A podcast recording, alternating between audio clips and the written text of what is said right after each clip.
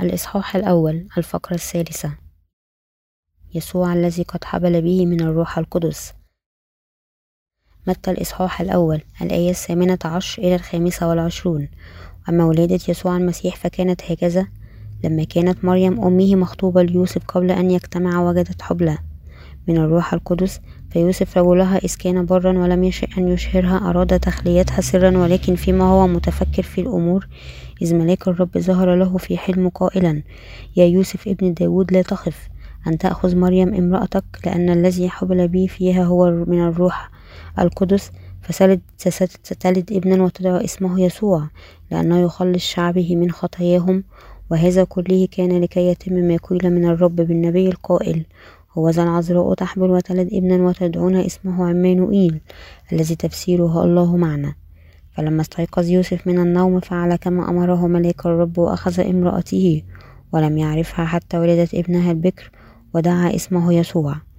متى الإصحاح الأول وصف ولادة يسوع بالتفصيل بواسطة المنطق الإنساني. عذراء التي ما سبق أن تزوجت برجل عندها طفل لا يمكن أن يكون محتملا. الحمل يكون أن يكون محتمل عندما يكون هناك علاقة جنسية بين رجل وامرأة. إذا خلال تاريخ كل العصور هذا النوع من الولادة الرائعة فقط تمت مشاهدته في الأسطورة. على أي حال هذا كان ممكنا مع الله. نحن يمكن أن نفهم هذا إذ نمتحن بشكل حذر. لماذا ولد يسوع؟ السبب أن يسوع المسيح الذي هو الله في جوهره كان مولودا في شكل إنساني خلال مريم العذراء.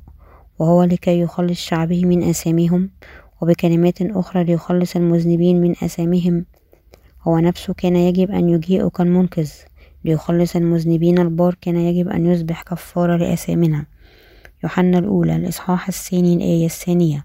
وهو كان يسوع المسيح الذي كان الله نفسه كون أن العذراء التي هي وعدت لتتزوج يكون عندها طفل قبل الزواج هو فعل يستحق انتقاد المجتمع كسلوك غير قانوني.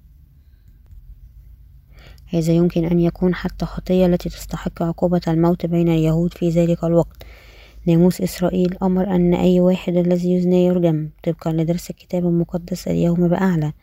مريم ويوسف قد وعد لأن يتزوجا ويوسف ومريم كلاهما يخاف الله. لذا خلال الحادثة الرائعة هم قد جربوا تعلموا أن يتبعوا خطة الله بالإيمان الذي يخاف الله.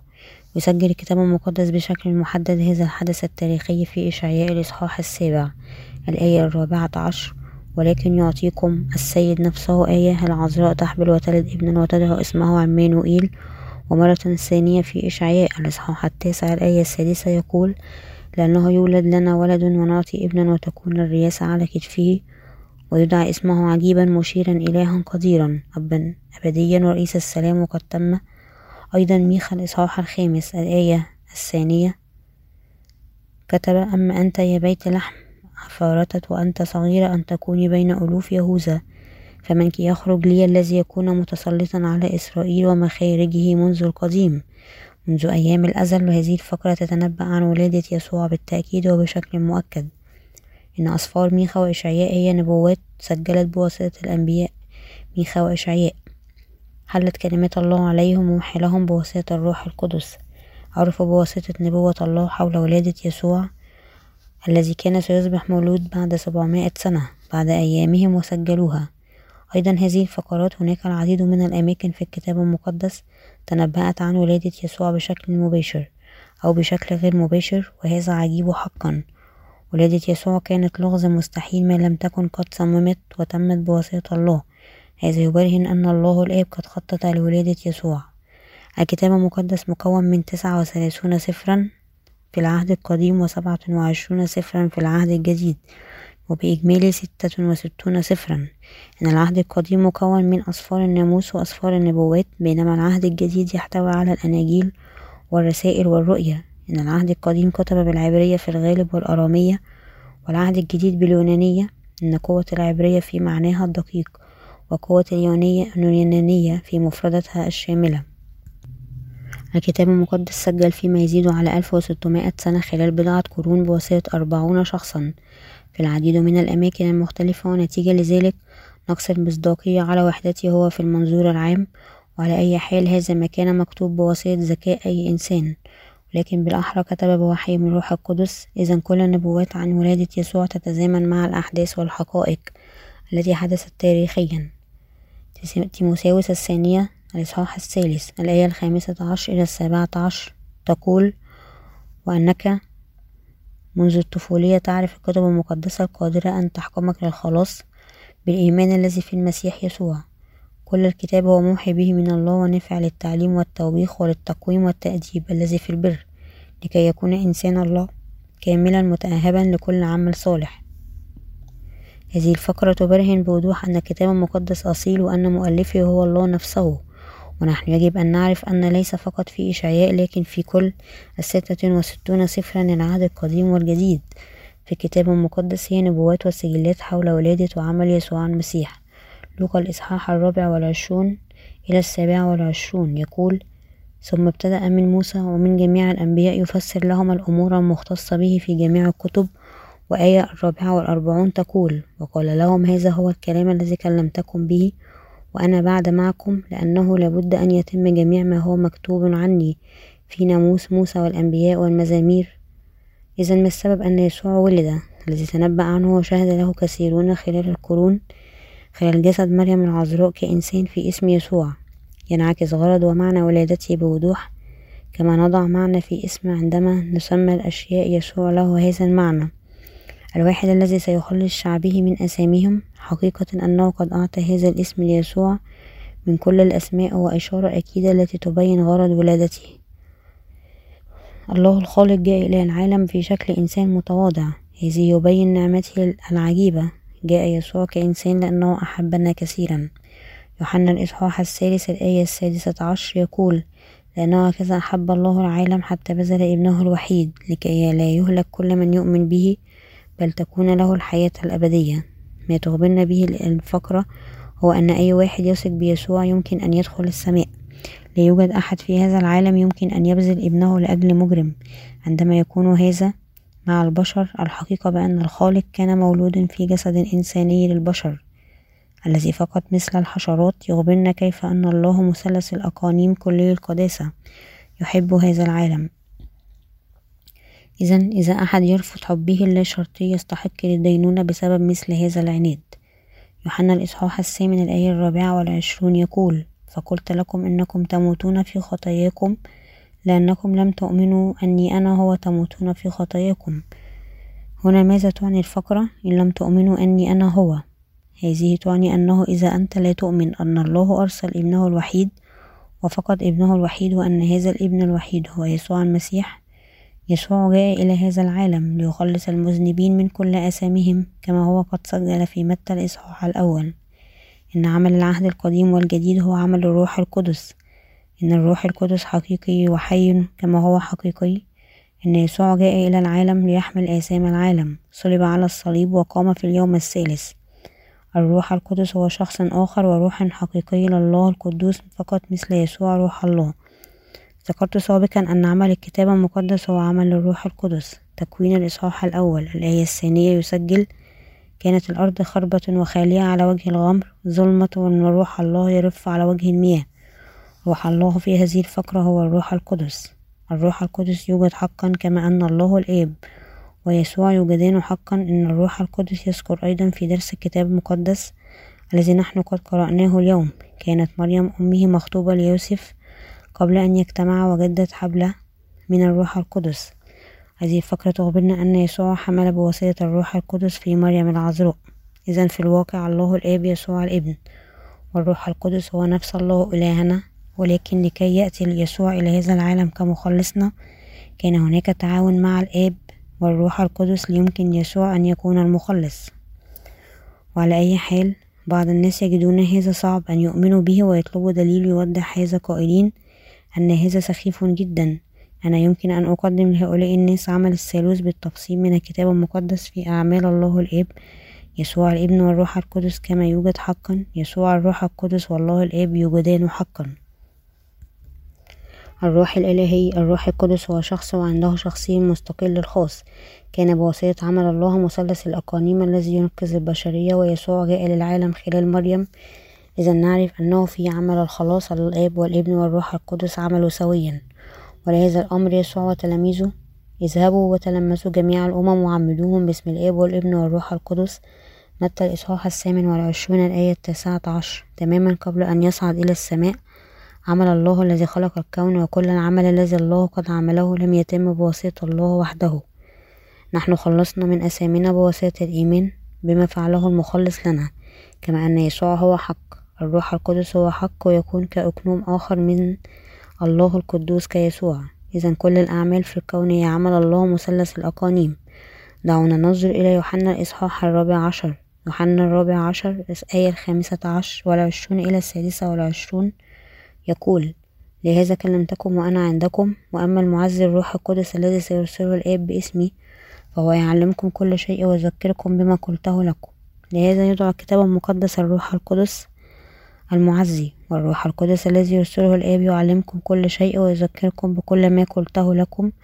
الروح القدس المعزي يعلمنا الحقيقة ويعلمنا حول كل الأشياء مثلما نسر تسر الله الآب وما هي إرادته. الواحد الذي يذكرنا بما الرب قد علمنا هو الروح القدس لهذا الكتاب المقدس يخبرنا أن وما أنتم فالمسحة التي أخذتموها منه ثابتة فيكم ولا حاجة بكم إلى أن يعلمكم أحد بل كما تعلمكم هذه المسحة عينها عن كل شيء وهي حق وليست كذبا كما علمتكم تثبتون فيه يوحنا الأولى الإصحاح الثاني الآية السابعة والعشرون. الكتاب المقدس يصف يسوع المسيح بالتفصيل وأيضا أعمال الروح القدس كل كتب العهد الجديد. مثل الأربعة أناجيل الأعمال ورسائل بولس. الرسائل بواسطة يعقوب وبطرس ويوحنا والرؤيا هي تعليم يسوع. في فترة الأربع أناجيل الرب نفسه علمنا عندما انتهت فترة الإنجيل يسوع صعد إلى السماء وعد بأنه يرسل الروح القدس مقدما في يوم الخمسين. ومنذ ذلك الحين هو قد كان عصر الروح القدس. هذه هي فترة الروح القدس. هذه الفترة التي أنت وأنا نعيش فيها التي فيها الروح القدس يعمل. هذه الفترة التي أنت وأنا نعيش فيها هي فترة الروح القدس يحل فينا ويجعلنا ننشر الإنجيل ويساعدنا أن نفهم الحقيقة ويوبخنا على أثامنا إن إنجيل الماء والروح هو إنجيل الروح القدس وهذا يعني أن الروح القدس يعمل بإنجيل الماء والروح. لماذا الروح القدس يعمل هذا العمل؟ لأن هذه هي فترة الروح القدس. يسوع المسيح كان مولودا في هذا العالم وحمل أثامنا بواسطة معموديته. استلم دينونة وصعد إلى السماء ويرجع يوما ما حتى عودة يسوع. إن الروح القدس هو الله الذي يعمل خلال كلمة الله. عندما مريم قبلت رسالة الله عمل الروح القدس ليكون عندها رضيع يسوع. الروح القدس قدم المقدرة التي مكنت للطفل يسوع ليكون مولودا لأن مريم التي سمعت كلمة الله قبلت رسالة الله وتقول هوذا أنا أمة الرب ليكن ليك قولك في حد ذاته. الروح القدس يعمل خلال النبوات. متى الإصحاح الأول؟ الآية الثانية والعشرون إلى الثالثة والعشرون. قال وهذا كله كان لكي يتم ما قيل من الرب بالنبي القائل. وهذا العذراء تحبل وتلد ابنا ويدعون اسمه عمانوئيل الذي تفسيره الله معنا. نحن يجب أن نعرف بأن الروح القدس يعمل لأولئك الذين يثقون بالكلمة المكتوبة لله. في لوقا الكتاب المقدس يخبرنا أن الملاك جبرائيل الذي ظهر إلى إليصابات يظهر أيضا إلى مريم ويخبرها. مبارك أنت في النساء. الابن الذي تلدين سيكون عظيما. العظيم المقصود به المخلص. ثم خافت مريم وسألته كيف يكون هذا وأنا لم أعرف رجلا؟ جبرائيل أخبرها أن إليصابات قريبتك قد حملت وإذن بابن أيضا في شيخوختها وهذا الآن وهذا الآن الشهر السادس المدعو عاقرا. ثم قبلت مريم كلمة الله التي قالها الملاك وقالت هوذا أنا أمة الرب ليكن لي كقولك ثم غادرها الملاك وبعد ذلك يسوع كان مولودا منها. وهذا مثال جيد لكيف يعمل الروح القدس. في هذا العصر الروح القدس ما زال يعمل في العالم ضمن قلوبنا. كيف؟ كيف يعمل الروح القدس؟ عندما نثق بالكلمة المكتوبة لله الروح القدس يعمل خلال كلمات الله عندما ننشر الإنجيل لأولئك الذين قبلوا يسوع. إنه الروح القدس الذي يعمل فيهم. عندما أنت وأنا ننشر الإنجيل الروح القدس يعمل فينا وينشر الإنجيل ويساعدهم أن يفهموا الإنجيل. الله خطط لخلاصنا في يسوع المسيح قبل الخليقة ويسوع المسيح الابن جاء إلى العالم. وتمم خلاصنا خلال ماء المعمودية والدم والروح القدس يؤكد الفداء الذي نلناه بما خطته لنا الله الآب. الروح القدس كان مساعد يساعدنا أن يكون عندنا الإيمان القوي قائلا. أنت تؤمن بشكل صحيح وتعتقد بما هو صحيح. في حد ذاته الروح القدس هو المساعد والمعلم إلى كل شخص. منا لأن فترة الروح القدس هذه هي فترة العهد الجديد وفترة العهد الجديد هي فترة الروح القدس. إذا نحن يجب أن نعرف أننا نعيش في فترة الروح القدس.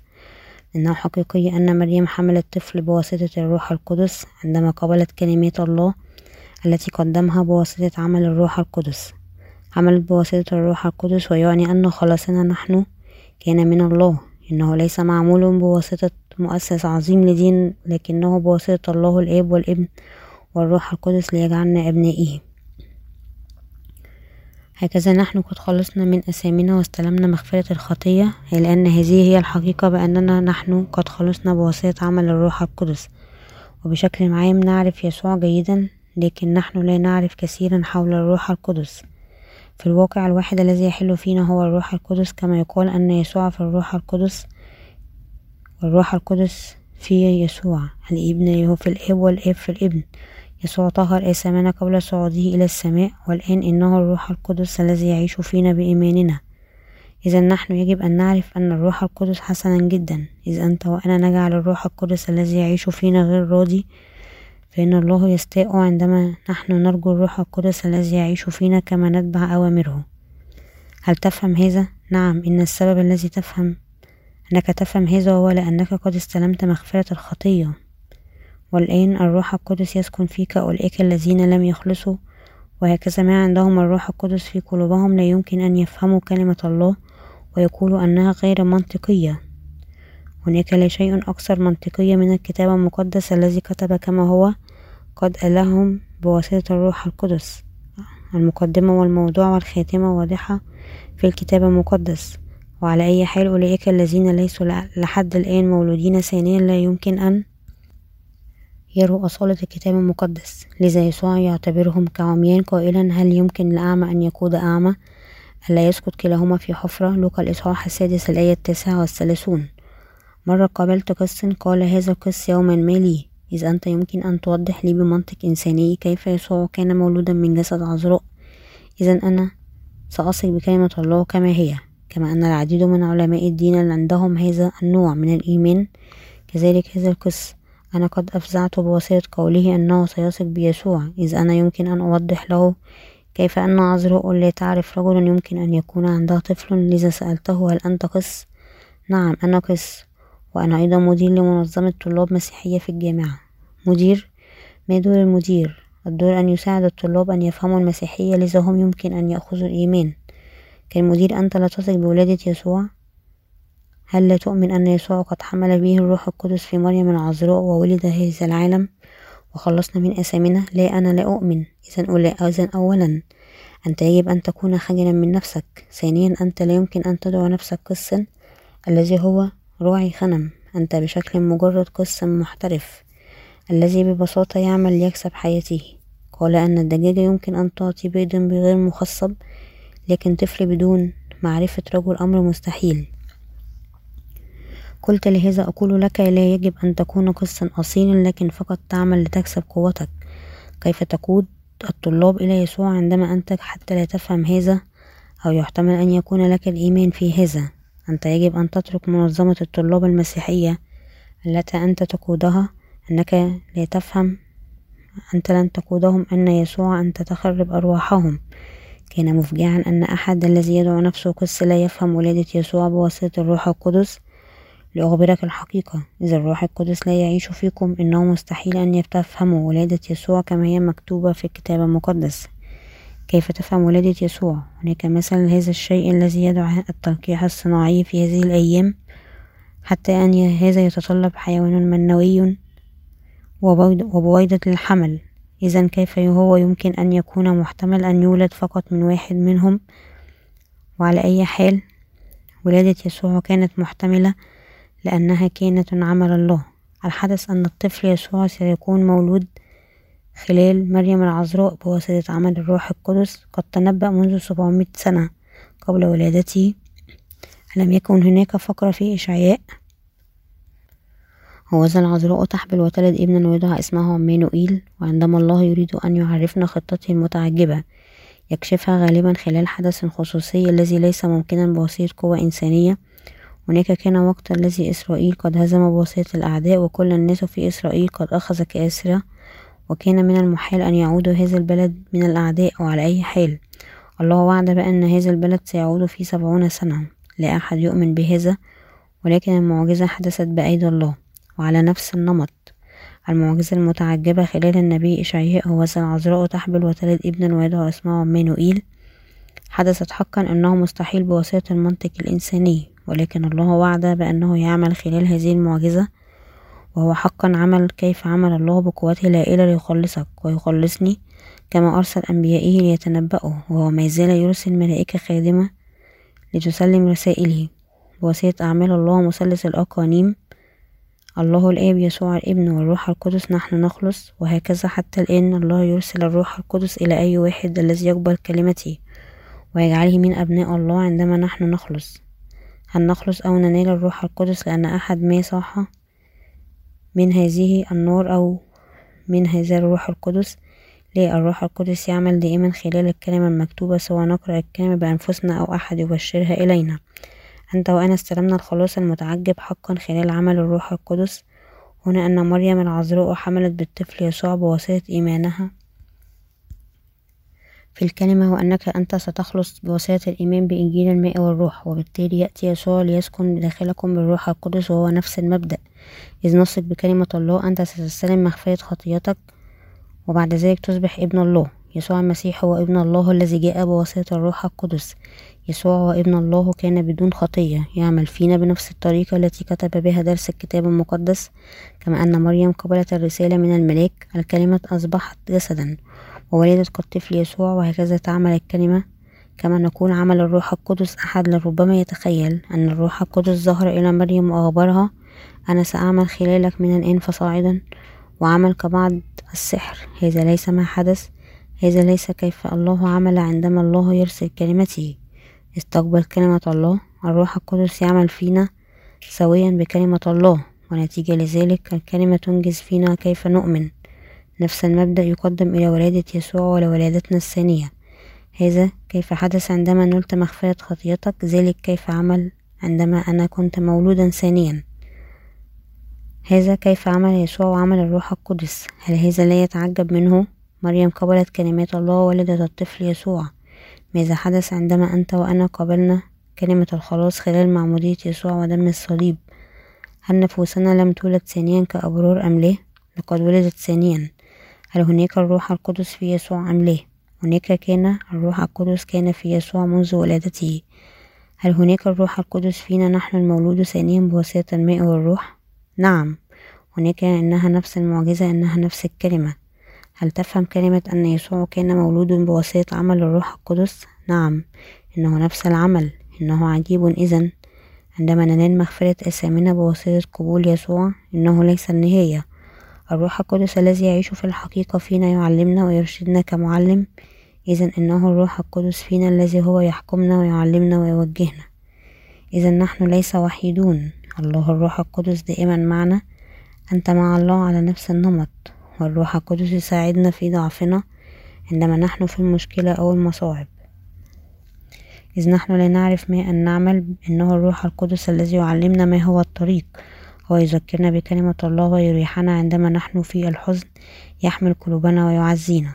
أنت وأنا استلمنا الخلاص المتعجب ذاته الخلاص الذي نلناه أنت وأنا وهو عجيب حقا. لماذا الله خلق العالم؟ خلق العالم لكي الناس مثلك ومثلي أولئك الذين قد استلموا مغفرة الخطية يمكن أن يكونوا رب هذا المكان. لهذا خلاصنا قد خطط له قبل الخليقة. هو كان قد خطط منذ الأبد منذ عهد. بعيد أنك أنت وأنا ستخلص من أثامنا اليوم. طبقا لخطط الله والتدبير قبل الخليقة. لهذا عيد ميلاد عجيب وله معنى عظيم. عندما ولد الطفل يسوع بعدما حمل به بواسطة الروح القدس عندما مريم حملت بالطفل يسوع بواسطة قبولها كلمات الله ولد الطفل يسوع في الشهر العاشر عمل العالم علم خلاصنا. لهذا نتذكر ونحتفل بعيد الميلاد ونغني بهجة إلى العالم. الرب جاء عندما الرب كان مولودا من مريم العذراء بعد قبول رسالة الله.